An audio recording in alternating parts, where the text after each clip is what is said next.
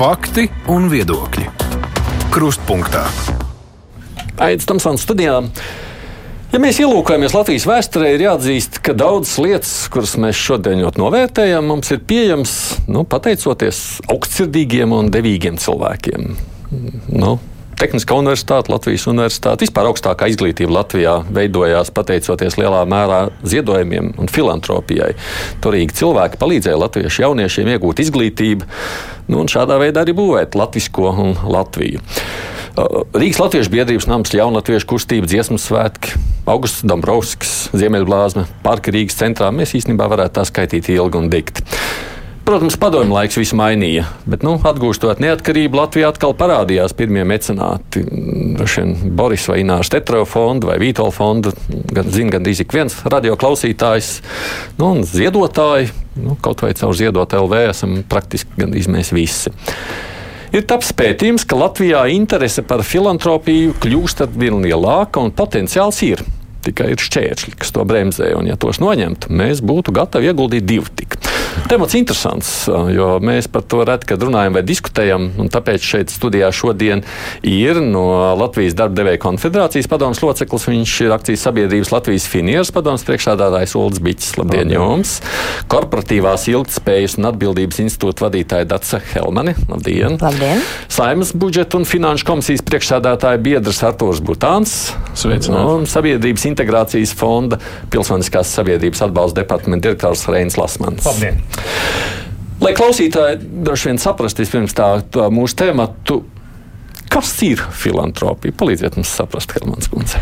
Uh, es noteikti. Uh, vispār vārdu, no vārda filantropija atteiktos un mm. tā vietā runātu par ieguldījumiem sabiedrībā, par ieguldījumiem o, vietējā. Ieguldījumi manā gadījumā uzreiz akciju tirgos ar peļņu.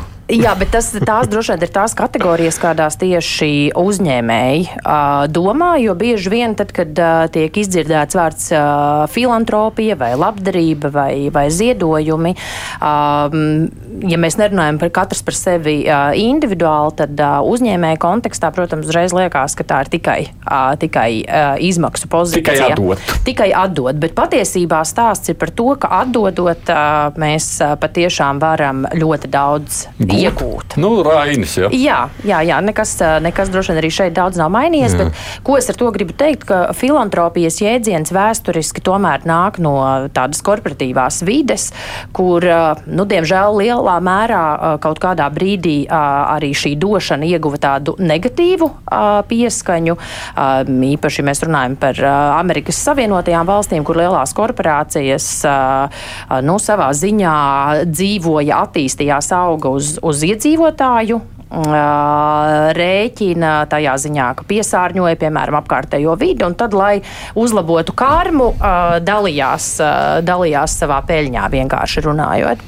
Tāpēc jau pirms, nu, pirms droši vien gadiem, aptuveni 15, varbūt pat nedaudz vairāk Latvijā salīdzinoši nesenāk, tomēr vairāk tiek lietots vārds ieguldījumi sabiedrībā, lai nu, ļautu mums patiesībā uz šo skatīties. Bet tad es pieminēju to mazliet vēsturi, skatoties, pavarot vaļā, jeb kādas enciklopēdijas mēs redzam tajā vēsturē, nu, kā tas ir noticis tā, tā bija tāda, es nekurš nezinu kaut cik no šīs vēstures, tā bija tāda vienkārši cilvēku gribēšana valsts vai sabiedrības labā darboties savulaik. Es domāju, ka lielā mērā, jā, piemēri, kurus jūs minējāt, es vienkārši gribētu papildināt, ka, protams, ka filantropija tas nav tikai par, par, par karmas uzlabošanu. Es domāju, ka mm. virknei cilvēku un uzņēmēju tas tiešām ir labās gribas žests un, un, un, un tas nu, aktivitāte, ko, ko viņi uzskata par, par pašsaprotamu. Un, ja vēsturiski skatāmies, jā. tad um, arī šobrīd, ko statistika rāda, ka tas ir tāds arī diezgan anglosakšu vai, vai tāds rietu Rietuma Eiropas tāda laba prakse. Ja, un tad jūs arī pieminējāt šo pētījumu, ka Latvijā un citās centrāla Eiropas valstīs paliek labāk. Ir labāka tā virzība, jā, bet vēsturiski viss tas austrumu un centrāla Eiropas reģions ir krietni biklāks jautājumos, ko mēs runājam par šiem ieguldījumiem un papildinot par nu, to. Tas ir tagad, jā. pēdējā laika vēsturē mēs tāds jā, jā, jā. bet nu, tā, ja es apskatos kaut kādos gados. pēdējos mm. pārsimts, trīsimts gados tieši mm. otrādi, es redzu, ka nu, lielā mērā Rīga veidojusies tāda, tāpēc, ka,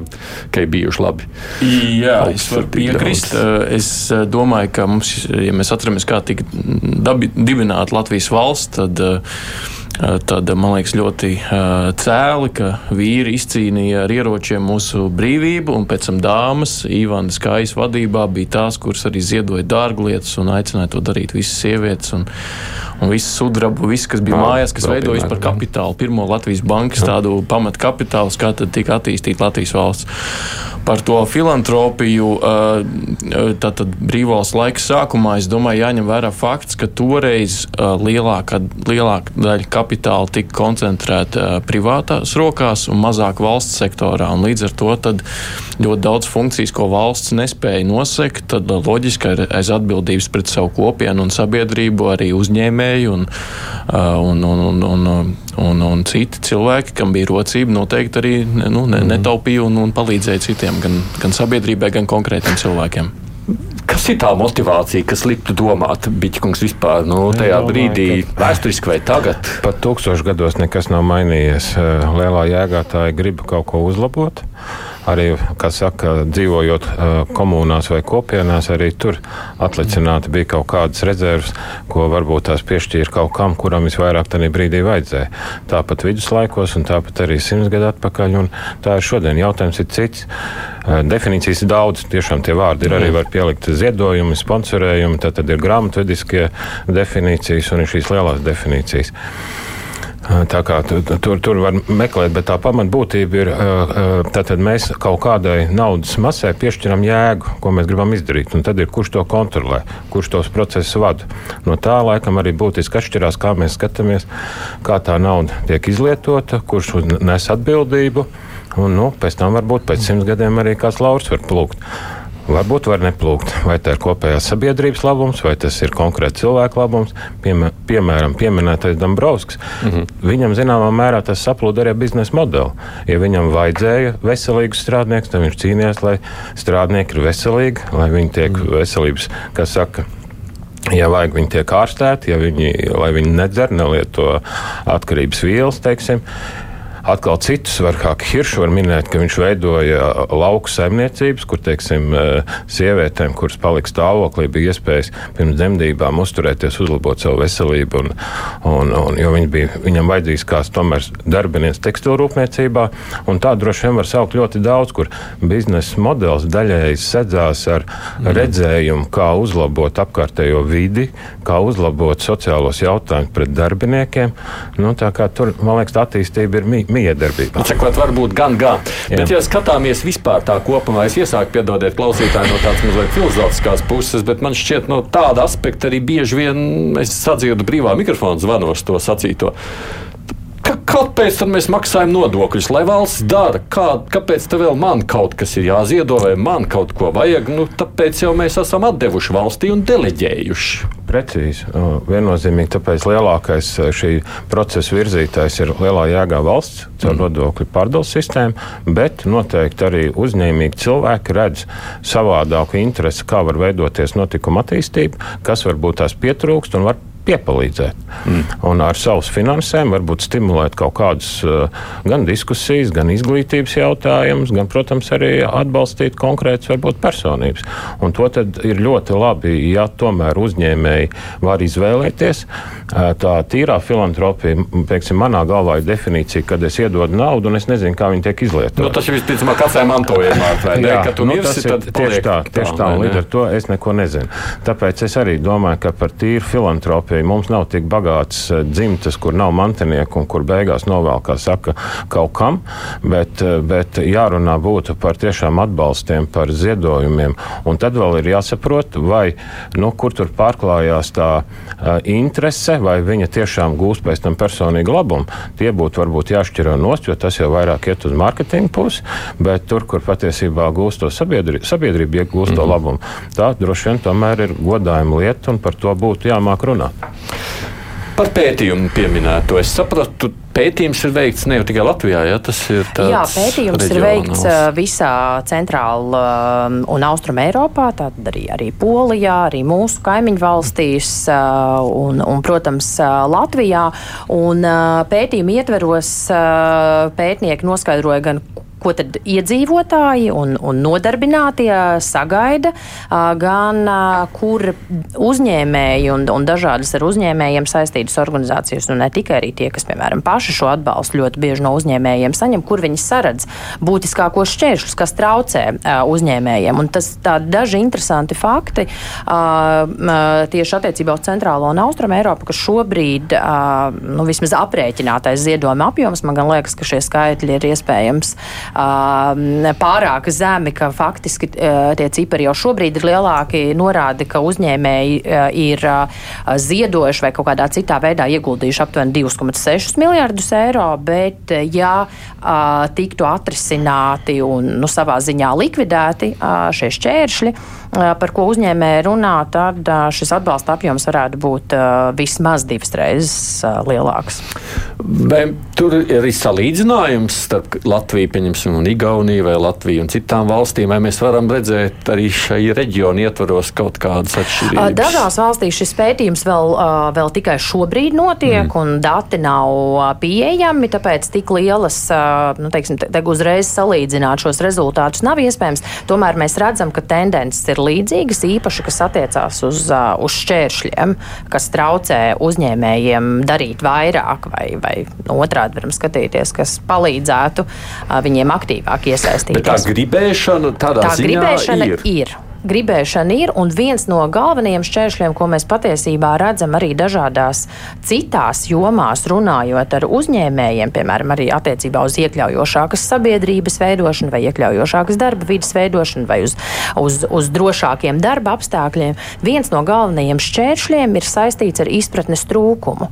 Ka bieži vien uzņēmēji nezina, man pašai ir bijušas, piemēram, sarunas arī, arī ārpus Rīgas ar salīdzinoši varbūt mazākiem uzņēmējiem pašvaldībās, kur saka, mēs ļoti gribētu iesaistīties. Mēs, mēs tiešām esam gatavi arī, arī ieguldīt uh, un sniegt atbalstu pašvaldības iedzīvotājiem, bet mēs nezinām, kur meklēt informāciju, kam tas atbalsts ir vajadzīgs. Mēs gribam to darīt jēgpilni, bet mēs nesaprotam, pie kā iet un meklēt. Uh, informāciju hmm. par to, kur, kur tas mūsu atbalsts var, būtu jāatbalsta. Es varu apliecināt tiešām tikai ar vienu piemēru, ka tā interese ir un pieaug no uzņēmējiem. Um, daudzi, uh, es ceru, ka tagad tie, kas klausās arī uzņēmēju šo programmu, uzzinās piemēram par programmu goda ģimenes apliecība, kur, kur ir, no, jā, cilvēkiem ir vismaz trīs bērni, zina. bet pietiekami jauna lieta ir arī, ka šo apliecību saņem tie, kuriem ir vismaz viens bērns ar invaliditāti.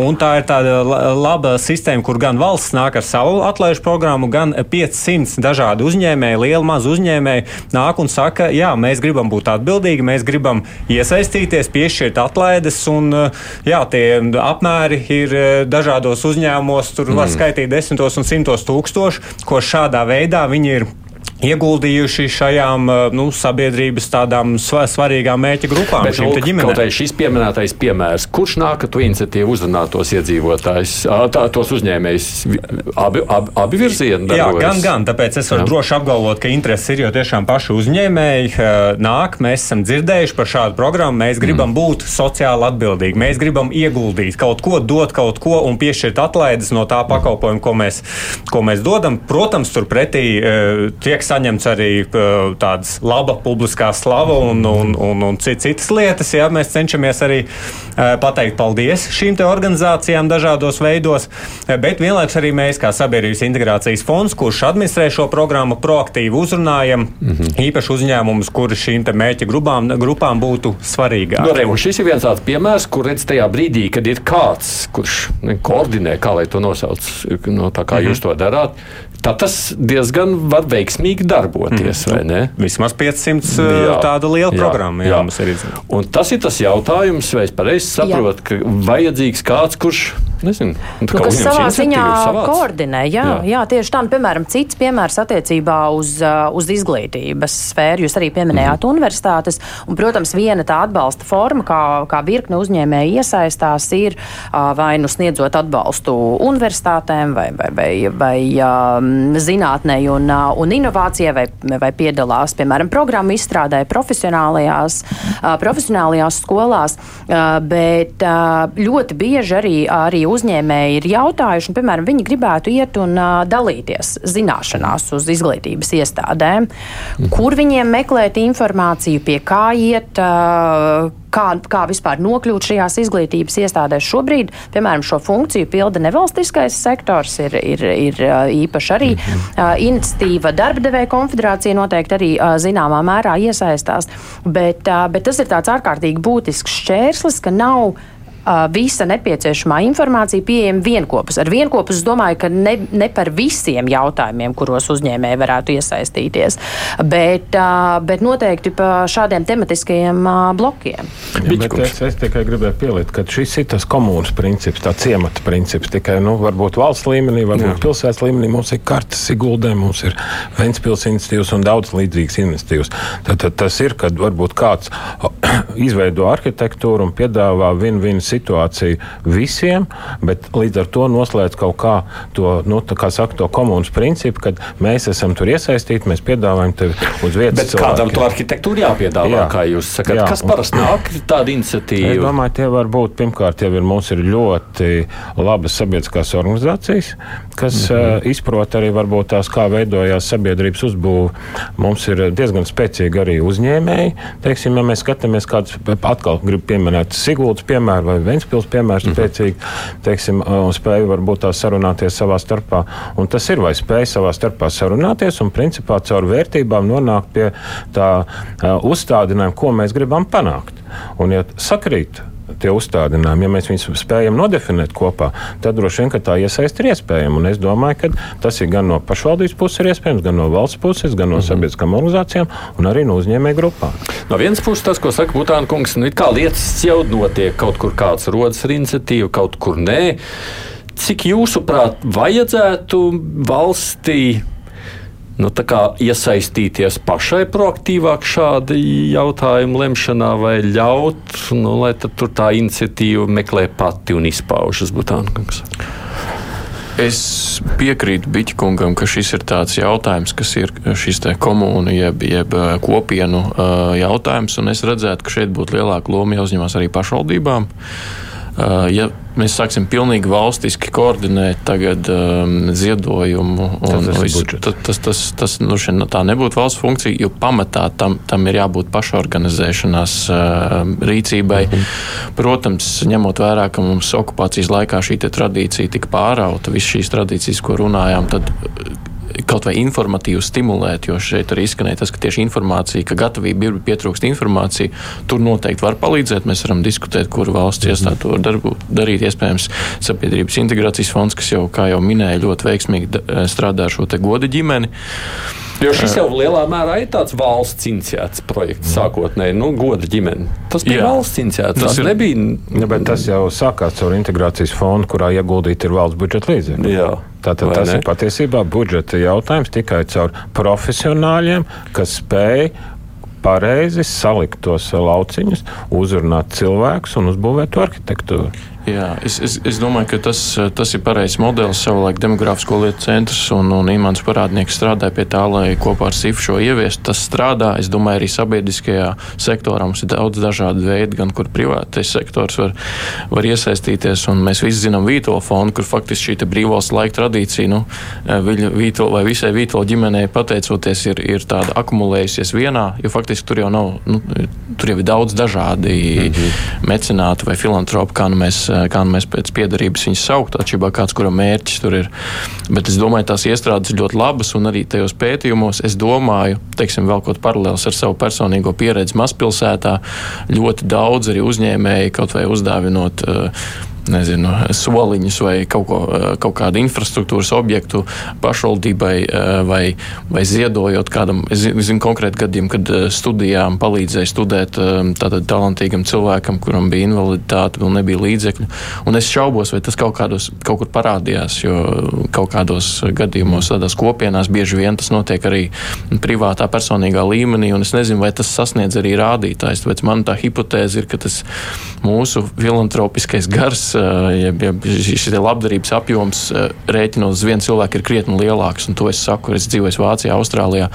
Es empīriski saku, ka mē, mēs tomēr mums tā, tā tendence palīdzēt viens otram ir, ir stipri lielāka. Mm. Bet, protams, tas ir saistīts ar sociālo-ekonomisko situāciju, jo, jo ir ārkārtīgi daudz vienkārši problēmas sabiedrībā, ko, kā mēs runājam iepriekš, neatrisina valsts, tāpēc iesaistās uzņēmēji, iesaistās sabiedriskās organizācijas un arī mēs kā individi. E, pēc tam parunāsim par finansēm un citām lietām, bet vēl mazliet, kamēr esam pie tās iniciatīvas rašanās kā tādas. Nu, ja runājam par pašvaldībām, varbūt paņemsim tas mazliet zemāks līmenis. Nu, redz, ja viena pašvaldība to ir apzinājusies, jūs te pieminējāt dažus piemērus, Sigulda un vēl, kas, kas dara vai Vanspils, tad ir cits pašvaldības, kuras, acīm redzot, tas īpaši neiet. Tas ir, nu, tur vajag kaut, nu, nu, kā var palīdzēt kaut kā citādi. Tas ir atkarīgs no kādus ievēlam deputātus. Nu, no kā tas beig beigās? Nezinu, mana pieredze rāda, ka arī šeit mēs nedrīkstam aizmirst, ka arī pašvaldībās cilvēkiem dažkārt trūkst izpratne. Mhm. Ir daudz dažādu bažu. Pati esmu bijusi klāt šādās sarunās, kad nav īsti skaidrs, cik daudz mēs kā pašvaldība varam iesaistīties. Kāds teiks, kur uzpērkam valsts kontroli? Tieši, tieši tā, jā, valsts kontroli, protams, īpaši bieži tiek piesaukta un, un par to ir, ir, ir, ir, ir bažas. Tā kā arī pašvaldībās cilvēki, protams, grib iesaistīties, jo skaidrs, ka viņiem rūp, droši vien varbūt katram citā nu, līmenī, bet tomēr rūp, kāda, kāda ir, ir apstākļi konkrētajā pašvaldībā, bet trūks zināšanu, kā to izdarīt, cik tālu viņi drīkst sadarboties ar uzņēmējiem, cik daudz drīkst pieņemt. Varbūt ne tiešā veidā bet kur ir tādas robežas? Kaut kādas tiešām ļoti slideni jautājumi, jo Jā. mēs tālu nebūsim līdz korupcijas jautājumiem. Tā, tā. Vai ne? Nav tik vienkārši. Nav tik vienkārši, vai ne? Un kā, bet te prasītos kādam, kurš nāk talkā, un man liekas, ka tā ir tikai valsts, kurš var nākt talkā un sacīt, ka to drīkst, to nē, šī ir laba lieta, šī mm. nebūs šīs līdeni. Ja? Mēs jums iesakām nu, nu, kaut kādu rokas grāmatu pašvaldībām. es zinu, ka jūs neesat pašvaldības rokas grāmata. Grūti pateikt, uzreiz var tik piekrist, ka tā pieredze pašvaldībās dažāda. Mēs varam minēt ļoti daudz arī veiksmīgus piemērus, un, kur faktiski pašvaldība ir aizgājusi jau pa priekšu, un viņi gaida, kad NVO sektors pašorganizēsies un tiks līdzi. Tā kā dažādi piemēri, gan labi, gan slikti. Eh, es domāju, ka diskusijas vērts ir arī šis Lietuvas modelis par tiem diviem procentiem no uh, iedzīvotāju ienākumu. Par nodokļiem, jā, par to arī parunāsim. Es vienkārši par, tā, par tām rokas grāmatām tādā ziņā, ka Nu, redziet, nu, tur ir slīdēni temati. Es piekrītu. Jā. Tā ir tāda vienmēr nu, tāda riskanta. Labāk neriskēt, ka nedabū pa nagiem. Un tas tā, tā, šāda izvēle ļoti bieži tiek izdarīta. Uh, nu, vai nu atsaucoties uz bažām par, par, par valsts kontroli vai par kādiem iespējamiem uh, korupcijas riskiem. Un, uh, un ļoti bieži ir skaidrs, ka arī valsts puse nevienmēr var skaidru atbildi sniegt. Mana pieredze rāda, ka, ka, ka te var būt tāda tāda rokas grāmata, kas derēs visām situācijām, visiem gadījumiem, nu, vai vispār ir iespēja. Bet kaut kas Bet tāds, principiem... skatoties no jūsu arī tās pašreizajā pētījumā, viss, nu, kaut kas tāds, kurā, nu, kurā viena varētu lieta, konsultēties, lieta, kurā dabūt ne, viena lieta, manuprāt, kas ir būtiska gan attiecībā uz ieguldījumiem vietējā kopienā, gan arī šobrīd aktuālo klimata pārmaiņu jautājumu, uh, ir būtiski, uh, un mēs iespējams arī pieskarsimies jautājumam par publiskiem iepirkumiem, jo tas uh, dažādās valstīs arī tiek minēts kā šķērslis uh, uzņēmējiem uh, vēl kaut kā paaugstināt motivāciju, bet uh, um, ir skaidri, manuprāt, arī no valsts puses jāpasaka, ka šis mums ir svarīgi, ka mēs novērtējam šādu uzņēmumu ieguldījumu, un tas, manuprāt, nenotiek. Mm, mēs par to runājām jau pirms desmit gadiem ar uzņēmējiem, arī ar darba devēju konfederācijas, arī, arī biedriem un citiem uzņēmējiem. Viņi saka, jā, mēs to darām, tāpēc ka mums ir, mēs vienkārši uzskatām, ka mums tā ir jādara, mums ir svarīga vide, kurā mēs darbojamies, mums rūp šeit cilvēki, noteikti ir arī biznesa intereses, bet mums pietrūkst, ka mēs no valsts vismaz ik pa laikam dzirdētu, vismaz paldies, nerunāsim par publiskiem iepirkumiem. Vai, es domāju, vai... ka galvenais, lai neveidotos tā negatīvā pieredze, nu, es mm. varbūt atļaušos tomēr Latvijas finieru pieredzi, un arī mēs kā investori, ejot Lietuvā vai Igaunijā, konkrētās pašvaldībās, mums šī saruna ir. Mēs uzdodam šo jautājumu, kas ir svarīgs pilsētai, kas mm. ir svarīgs vietējai kopienai, kur mēs varam pielikt savu ārtavu. Ne lielu, bet kaut kādu maziņu savu ārtavu, lai risinātu tos jautājumus, kas ir svarīgi vietējiem cilvēkiem. Kāpēc jūs to darāt? Tāpēc, ka mēs gribam būt nedaudz vairāk un nedaudz pozitīvāk, varbūt kā citi uzņēmēji. Uh -huh. Viņi paskatās un saka, pasties, Jā, tāds... Mēs mm. nākam iekšā, mēs mm. definējam, un mūsu biznesa modelī mēs cenšamies mm. arī iestrādāt, kā saku, vienu mazu daļu, ka tā ir jāparedz, ka viņi nav varbūt mūsu attīstībai, bet viņi ir attīstības jautājumiem uh, pret sabiedrību. Nu, piemēram, atkal varbūt tas piemērs no Latvijas finieru, tāpat uh, atbalsts Ukrainai. Mēs viņu definējam, zināmā mērā, cik procents no nodokļiem mēs pieliekam sev klāt, ko mēs drīkstam novirzīt atbalstam. Mūsu mērķis bija 10% no nodokļu masas, mēs drīkstam veikt atbalstu, tad plus 10% kara apstākļos nodokļu masa, apjoms, ko mēs definējam pret tālāk, jau varam dalīt. To, protams, var skaitīt savādāk. Mums ir arī trīs, kā saka, formulas, kā pastāstīt, mm -hmm. bet, ja runājam valstiskā līmenī, tad, piemēram, šajos kara apstākļos mēs definējam līdz 10% procentiem pie nodokļu masas mēs esam gatavi maksāt vairāk sabiedrībai, valstīm, kurās mēs strādājam. Tas nav runa tikai par Latviju, tā ir Latvija, Lietuva, Igaunija, Somija. Visās četrās valstīs mēs esam palielinājuši šo nu, projektu naudu nosacīju, ko var novirzīt atbalstu Ukraiņai. Tad tas jautājums, pabeidzot šo tēmu, ja valsts dod skaidrs vadlīnijas, tad jā, ir vieglāk. Vai ne? Vai ne? Tas, kam, kam būtu jāuzņemas iniciatīva? Izpildītājiem, likumdevējiem, nu kam? Jo, jo, nu šī tāda nu, tā nav nevienas ministrijas pakļautībā. Es saklausīju vismaz divas eh, tādas tēzes, kuras bija arī šajā pētījumā par to, viens, lai pateiktu tomēr paldies, kas dara šo labo darbu, un lai nav arī šī negatīvā pieredze. Es pieminēju, piemēram, šo te programmu, par ko Sabiedrības integrācijas mm. fonds uzņems atbildību godu ģimenes apliecību, kur mēs tieši 19. aprīlī taisīsim pasākumu, kur mēs sasauksim šīs te, šos uzņēmējus, mm. publiski arī pateiksim paldies tādiem ilgākiem sadarbības partneriem Tādā veidā arī palīdzot ar kādām sabiedriskām attiecībām un popularizēt viņus, ka viņi tiešām jūtas novērtēti. Nevis tā vienkārši tikai mums to vajag, vai kā Biķkungs saka, nu, mēs gribējām būt uh, labāk, ja, bet nu, tiešām kāds arī pasaka, ja, paldies un to novērtē. Otrs par šo negatīvo pieredzi, kas ir tāds sabiedrības eh, jautājums kopumā. Nu, ja kāds noziedo arī privāta persona, noziedo kādai biedrībai vai partijai, vai kāds uzņēmums kaut ko noziedo, uzreiz daudziem tas iespējas var rasties Nu, kas tur viņam ir aiz ādas? Nu, jā, jā. Varbūt viņš ir pašvaldība. Eh, vai, vai pats atpērkās, kā teica, kā, kāda tur šie viņa nodoma patiesē ir. Kādēļ mēs nevaram pieņemt pašsaprotami, ka nu, šis nodoms ir labs, kā filantropija, kā eh, tas tūkojums laikam mīlestība pret cilvēci, ja, tā kā mm. tiešām ar labiem nodomiem cilvēks to dara un ka sabiedrība novērtē. Ja? Un to arī vairāk pētījumi citi ir rādījuši, ka cilvēki eh, arvien vairāk un vairāk labprātāk izvēlās eh, to uzņēmumu pakalpojumus, mm. kur, kur ir sociāli atbildīgi, kuri domā par ilgspēju, kuri arī ziedo un nodarbojas ar filantropiju. Ja? Tā kā līdz ar to arī sabiedrībai tas būtu jānovērtē. Ieguvēji jau te ir mm. visi šajā stāstā. Tas jautājums ir Jūs varbūt līdz saviem kolēģiem varat aiznest, kurš nu, kad, kad tas tiktu padomāts valstiskā līmenī, kurš varbūt uzņems kaut ko tādu. Es teiktu, ka mēs nevaram ar likumu noteikt, ka visiem uzņēmējiem ir jābūt tik rietniem kā Latvijas finierim, bet tas, ko mēs varam, ir veidot tieši šo atšķirību. Ja? Mums ir jārada atšķirība starp tiem, kas to dara un nedara. Un te ir runa gan par, par, par attieksmi kā tādu, ko jau, ko jau arī minēja, ka teiksim, Sabiedrības integrācijas fonds taisa pateicības šiem godu ģimenēm, kā piemērs. Un tas, ir, tas būtu jādara droši vien vēl, vēl, vēl citā lielākā mērogā. Nu, un otrs, protams, ir tas, kā, kā tas ietekmē teiksim, nodokļus. Jā, jā. Nu, par šo tūlītās arī turpināsim. Es tikai jā. atgādināšu, šeit studijā mums ir Ulrichs Biķis, kurš pārstāv Latvijas Finieru un Darbdevēju konfederāciju. Dats Helman ir korporatīvās ilgspējas atbildības institūta vadītājs, Saimnes budžeta finanšu komisija pārstāv Artūrs Butāns, Sabiedrības integrācijas fondu Reinis Lasmans. Raidījums Krustpunktā. Nu, tā otra lieta, jā, runājot par šiem nu, budžetu jautājumiem, nodokļu jautājumiem.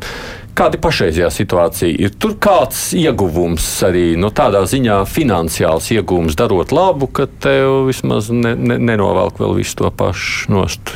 Kā tad ir pašreizējā situācijā? Ir, tā tad var katrs uzņēmums, kurš ir pelna arī naudu, viņam ir iespēja ziedot. Tur ir divi principi, pēc kā var aprēķināt, kā saka, summu, līdz kuram tev arī nāk pretī valsts zināmā mērā. -hmm. Tas ir caur uh, VSOI nomaksu vai, vai, vai ienākumu nodokli.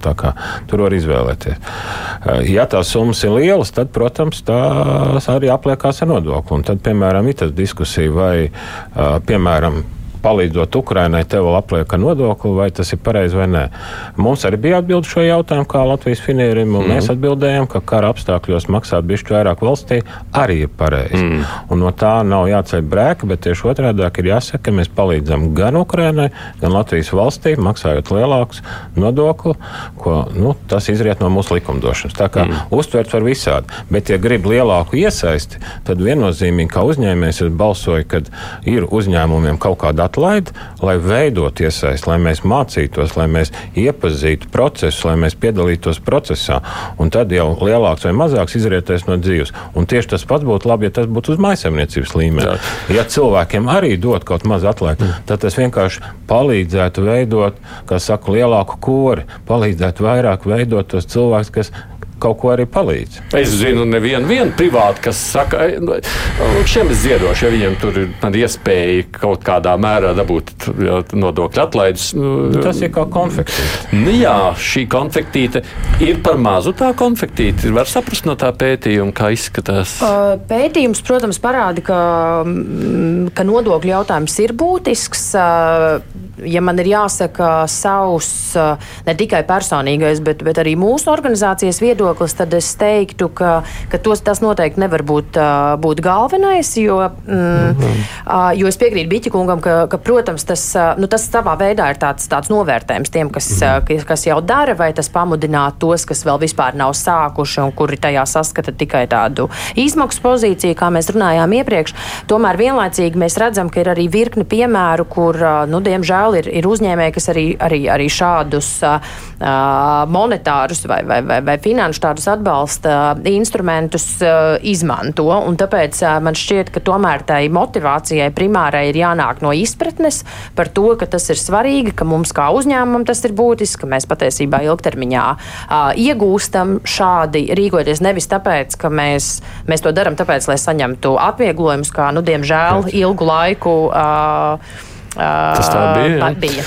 Butānkungs, bet jūs pieminējāt šo faktu kā tādu, sakot, ka jūs tur redzat nepieciešamību kaut ko mainīt? Nu, šeit jāsaprot, bija jau liels izmaiņas pirms pieciem gadiem, uh -huh. jā, un šeit tieši uz to filantropijas virzienu, kas saucās mecenātisms, proti sports, kultūra, māksla.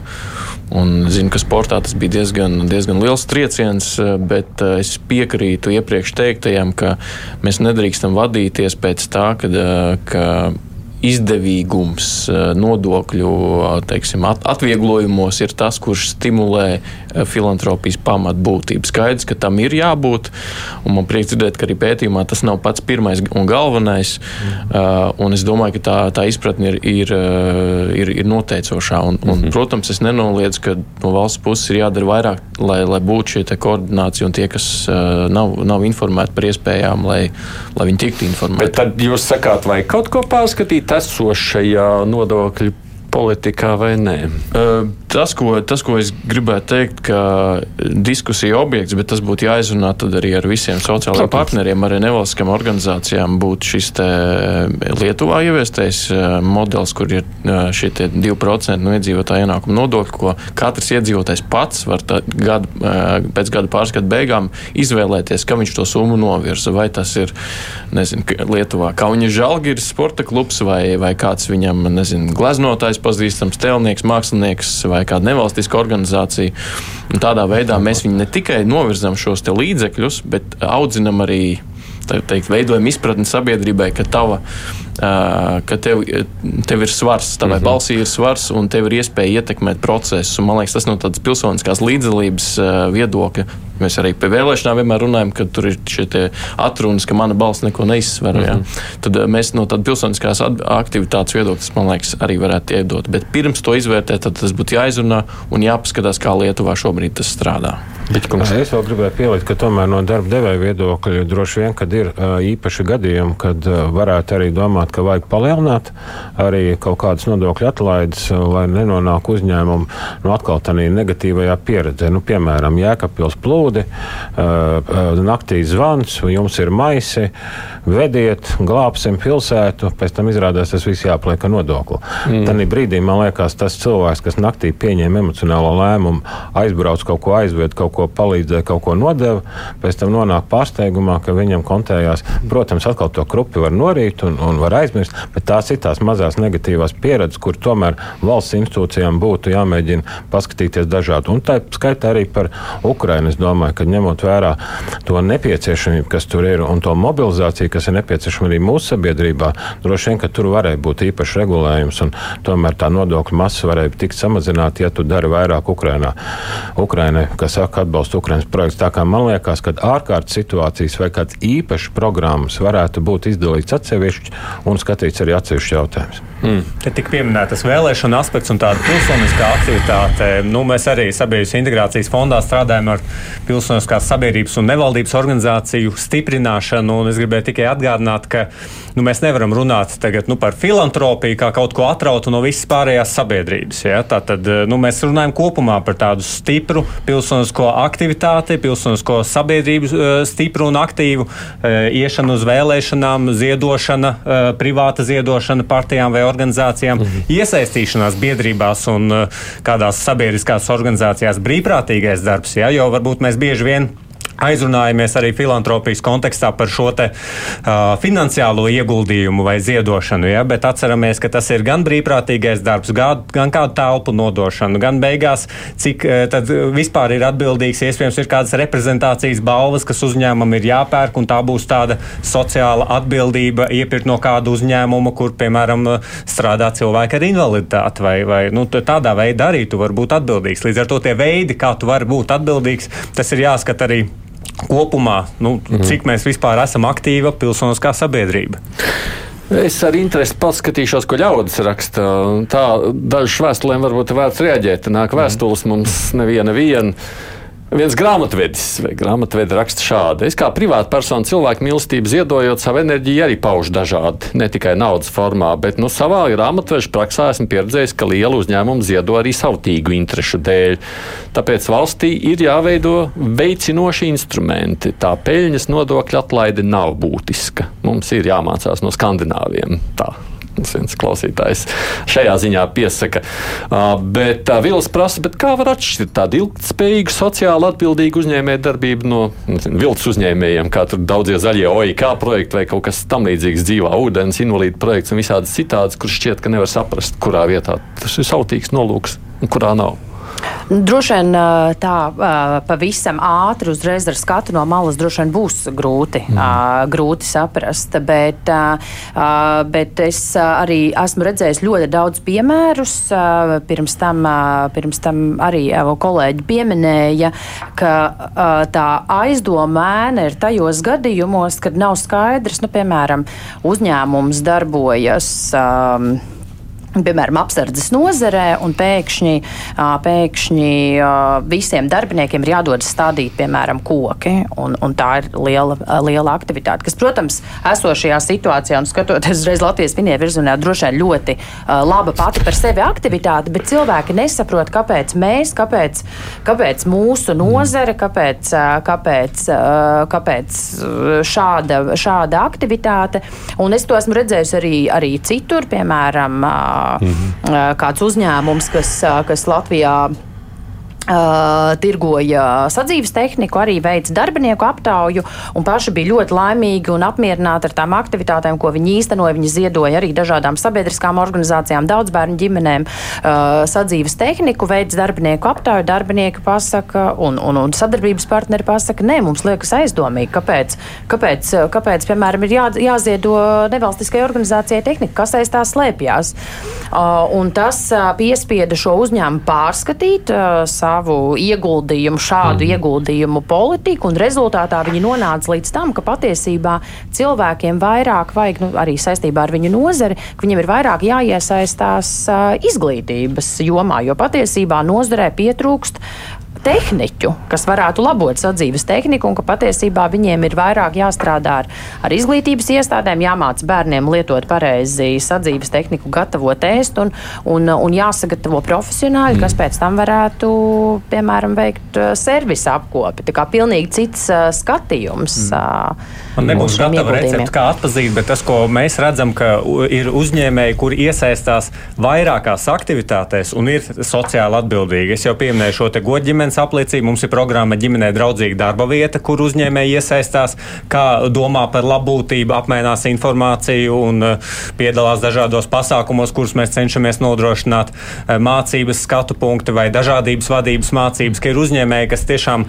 ir plašāk domā, ilgspējas indeksā piedalās un, un citādāk iesaistās ne tikai domā par filantropiju, ja, bet visbiežāk tā ir tāda kopējā pakete, ja, nevis tāda varbūt pieminēta citreiz divkosība vai kaut kas atrauc ārā no konteksta. Es, es vienīgi gribu šeit uzreiz arī mudināt uh, klausītājus raidījumu arī iesaistīties, un, un tas, tas ir, manuprāt, tas, kas pietrūks, nu, kur mums pietrūks tāda sabiedriskā uh, aktivitāte vai iniciatīva, arī skaļāk runāt par tiem gadījumiem, kur mēs kā darbinieki, vai mēs kā klienti, vai mēs kā sadarbības partneri, vai vienkārši iedzīvotāji, kur mēs pamanām šādus uh, uh, maldināšanas gadījumus, un patiesībā mēs tieši šim nolūkam pirms, pirms gandrīz gada izveidojām, izveidojām tādu arī savā veida platformu ilgtspējas kodeks, un, un tur ir tāds īpašs rīks ilgtspējas mm. Un mēs saņemam sūdzības no cilvēkiem, piemēram, no kāda uzņēmuma piegādātājiem. Viņi saka, jā, re, kur jums viņa ilgspējas indeksā ir augsti rezultāti. Uzņēmums pats par sevi stāsta, cik, cik viņi ir lieliski, bet mēs kā sadarbības partneri redzam, ka, piemēram, viņi grib nezinu, strādāt ar, ar, ar piegādātājiem, kuri mm -hmm. grib ietaupīt mm, uz darbinieku rēķina. Un, mm. Jā, bet, bet jā, mēs nevaram panākt pārmaiņas, ja mēs tomēr arī neiesaistamies mm -hmm. arī šādās situācijās. Tas, tas, ko es gribēju piebilst, ka man liekas, ka vai, latviešu daba ir eh, neplātīties ar ziedošanu, un ļoti daudz nestāst arī Jā. to. Un varbūt tāpēc ir ļoti daudz labi stāstu, kas ir tā, varbūt garoziņš šim stāstam, ka mēs daudz labus stāstus neuzzinām. Un, bet tas nav vienmēr slikti ziedot, LV ir ķeksīts, atvēlts, gribam būt anonīms. Bet, bet šeit ir tas moments, nu, piemēram, ja mēs dzirdam vai ieraugam Facebookā, ka kādam, teiksim, nodegus privātu māju, viņi lūdzu ziedot, un viņi ziedo nevis caur ziedot LV, bet uzreiz šīs privāta personas kontu, un ļoti daudz ziedo, un tas nekur neparādās parādās kā ziedojums, ja, ja tas skaitās darījums ar divām privātpersonām. Otrs, ja šeiksim, šai nodegušajai mājai uzņēmējs atved eh, koku materiālus, ja, eh, tad jā, nu, šeit ir, es domāju, šādi gadījumi papildus tam, ko Biķikungs minēja par ārkārtas situācijām. Es domāju, ka šeit arī, nu, ja uzņēmums ziedo, tad aplikt vēl šādā gadījumā to ar nodokli, tas būtu, tas, nu, tas nav adekvāti. Tā jau ir jānē, nu, attiecībā uz vēlmi ziedot. Tad es tagad man par sevi jāpasaka, es personīgi, jā, es priecājos, ja kāds starpnieks, kurš var noslēpt, ka es ziedoju. Man negribas skaitīt, ka kāds redz, ka es esmu noziedojis. Es esmu, mm. protams, arī tā darījis, un tad man nāk pateicība, kas man traucē. Piemēram, nu, ja mēs esam dažādi, taisnība, jā, es esmu priecīgs, ja tas starpnieks, tāpēc tādu starpnieku meklēju, runājot gan tajās um, privātās, gan arī tādās valsts kaut kādās kontekstā. Bet es vēl, ja drīkst mazliet no klausītāja viedokļa, ko ļaudis te raksta viesturs saka, bet man bija piemēram tā, es pašvaldībai gribēju uzdāvināt konkrētai vietai trīs soliņus. Man teica, nē, tur vajag projektu, pēc tam arhitektu, jā, jūs varat kaut kur uz mhm. bērnam aiziet. Tā jā, tas arī, arī izbeidzās. Klāt šādās sarunās esmu dzirdējis, jā. jā. Nu, te ir tā vieta, kad pietrūkst tādas zināšanas, saprašanas un kaut kāda, nu, nezinu, teiksim tā, atbalsta. Varbūt arī virzienā. gribas, jo mēs jau zinām, ka, ka tad, ja nav, ja nav gribas, tad tajā brīdī mēs sākam meklēt atrunas, kāpēc. mm. kaut ko nedarīt. Jā, es domāju, ka, ka tas tā problēma plašāk, un man pirms mēneša pie manis vērsās kāds iedzīvotājs, kurš stāstīja, ka viņam ir īpašums, kur viņš vēl samanīt ar pašvaldību, jo tā vietā nav apbūves iespējas pret trīs reizes mazāk vērtīgāk. Viņš faktiski uzdāvina nu, pašvaldībai. To var saukt par filantropiju tikpat labi, jo viņš ir gatavs pieņemt pretī citu mazāk vērtu īpašumu, un arī tur viņš ir pārsniedzis likuma normu. Un sanāk, ka valsts, ja pašvaldība nedrīkst privātu personai, nu, tur, tur, tur arī atruna, kur noteikti jāpaskatās, kā tas likums un tās normas tiek ievērotas. Tā kā, nu, Jā, lai novērstu šādus gadījumus. Bīstamība ir tad, ja mēs tiešām mēs nevaram aprakstīt visu. Tātad, un, ja mēs ehm, stādīsim pa mērķi visu aprakstīt, tad tā būs mm. ļoti, ļoti liela birokrātija. Tātad, tur ir jābūt kaut kādam zināmam līdzsvaram un jā, lietas jāskatās pēc būtības. Tātad, vai tas ir valsts ieņēmuma dienests, kuram jāpārbauda, cik godīgi ir aprēķināt nodokļi un, un kāpēc nodokļu nomaksa, vai tās ir pašvaldības vai citas valsts institūcijas, tas ir droši vien visu laiku eh, prioritīvi var mainīties. Bet tas, kas būtu jāicina un tas, kas būtu vairāk jāicina, jāizceļ šie tomēr labie piemēri, uz ko mēs, eh, no kā mēs mācāmies un, un, un kā mēs varbūt tās pārnesam to pieredzi. Tā labā izcelšana ir ļoti svarīga, lai veidotos uzdrīkstēšanās arī pēc būtības, varbūt tās pieņemt lēmumus. Vai mēs varam nošķirt nu, tādu privāto lūk, ziedot LV cilvēku, kurš katru mēnesi mēģina kādiem palīdzēt no lielajiem uzņēmējiem, kas tur iegulda pāris miljonus universitātē, piemēram? Nu, man liekas, ka tā vienīgā atšķirība ir, nu, kā mēs vismaz to mēģinam nodalīt, ka uzņēmumam tomēr ir jābūt kaut kādam strateģiskam skatam. Skaidrs, ka mēs kā mm. cilvēki katrs uh, uh, ziedojam uh, nu, tam, kas mums, mums liekas uh, pašiem tajā brīdī būtiski un pareizi, bet uh, uzņēmēji ziedot tikai uh, nu, šādi, uh, šādi, manuprāt, uh, protams, to var darīt, un skaidrs, ka uzņēmums un īpašnieki ar, ar, ar ar peļņu var rīkoties, īpaši, ja mēs runājam par privātajiem uzņēmumiem kā viņi uzskata par pareizi, tomēr domājot par tādu ilgspējīgu uh, skatījumu, ir svarīgi saprast, nu, tomēr, kas ir virzieni, kas mums ir būtisks, kas sakrīt nezinu, ar mūsu biznesa modeli. Nu, piemēram, viens ražošanas uzņēmums uh, arī ir izveidojis savu uh, tādu labdarības fondu, un viņi uh, katru gadu organizē konkursus, kuros var pieteikties tās biedrības, kas, uh, kas pārstāv novadus, kuros ir pārstāvēts šis konkrētais ražošanas uzņēmums ar savām ražotnēm. Jo viņi saprot, ka viņu smagais, smagās automašīnas, šis transports traucē, traucē vietējiem iedzīvotājiem. Viņi, viņi apzinās, ka, ka, ka, ka šāda arī iniciatīva palīdzētu nu, tādu arī, arī viet, saņemt tādu mandātu no vietējiem iedzīvotājiem vispār tur, tur darboties, mm. stiprināt šādā veidā attiecības. Mm, absolūti piekrītu, un es domāju, ka ir arī Latvijā labie piemēri. Nu, pieņemsim, es nezinu, kā šo šobrīd ir formulēta eh, Švenkā, bet iepriekš Cemeks, kad viņš bija, tad eh, es domāju, ka tur noteikti nav mainījies, tikai labāk palicis. Viņiem bija atkal, kurš pieņem lēmumu.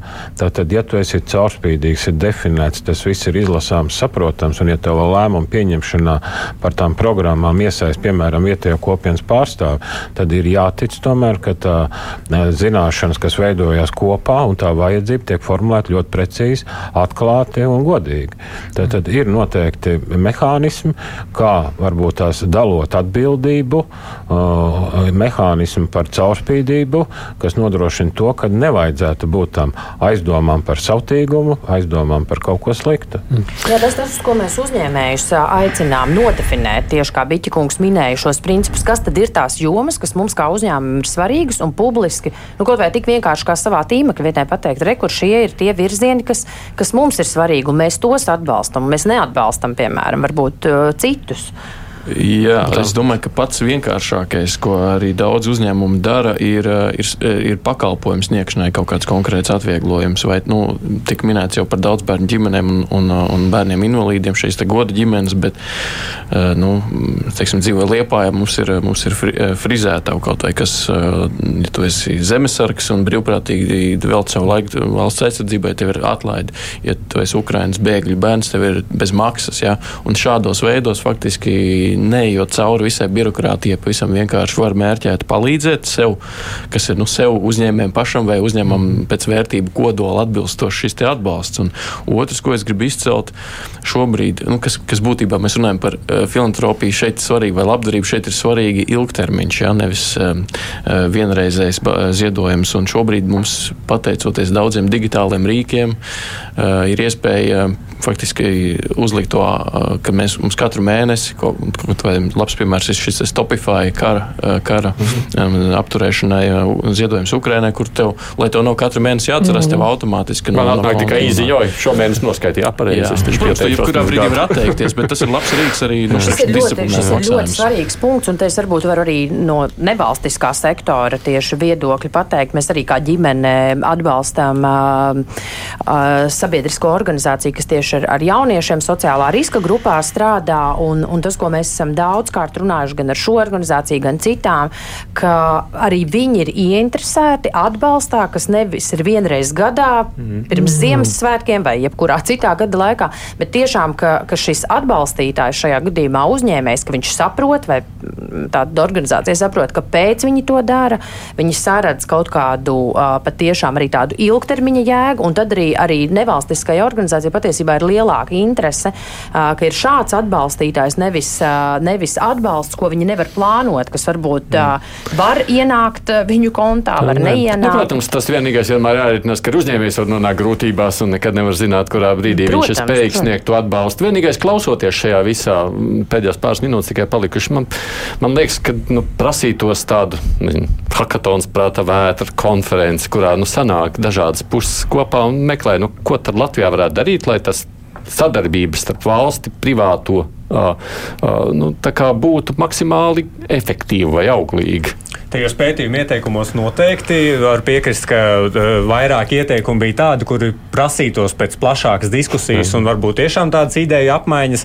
Pieminēja, piemēram, šādu arī personīgu uh, ziedošanu kādai sabiedriskajai organizācijai. Es, piemēram, no personīgās pieredzes, uh, nu, sabiedrības integrācijas fonda ietvaros sadarbojoties ar desmitiem un simtiem nevaldības organizācijām, tiešām varu tikai teikt, ka tās organizācijas ir stipras, spēcīgas un dara tik labu darbu, īpaši Covid laikā, īpaši mm. Ukrainas laikā izdarījuši tik vērtīgu darbu. Ja? Tā kā tur noteikti vajadzētu, kā jau tika minēts, uzticēties viņām. Protams, arī valstī jādara tā sava daļa un jāstiprina viņas, lai arī viņām būtu Jā. kāda sava pamatkapacitāte, jo bieži vien ziedotājs jau varbūt negrib dot pamatu kapacitātei, bet kādai konkrētai aktivitātei vai projektam. Ja? Bet mēs redzam nu, arī mūsu mājaslapā gan biedrības, kas jauniešu organizācijas, kas ar invalīdiem strādā, diasporas organizācijas, ģimeņu organizācijas. Tas ir viss lauks noklāts, ja? un, un tiešām aicinu tikai uzticēties šīm organizācijām un, un iesaistīt viņas, tad, kad domājam, kur, kur labāk un, tad, uh, virzīt savu filantropiju. Un šis ir viens no virzieniem, noteikti, kur varbūt valsts var iesaistīt iesaistīties, jo, jo es savukārt no uzņēmējiem esmu dzirdējis, ka viņiem pietrūkst informācijas, kuras tad ir tās uzticamās organizācijas, mm -hmm. ar kurām mēs varam sadarboties. Piemēram, mm -hmm. nesen uh, arī bija publiski, un es saprotu, ka ik pa laikam parādās gadījumi par dzīvnieku patversmēm, kas,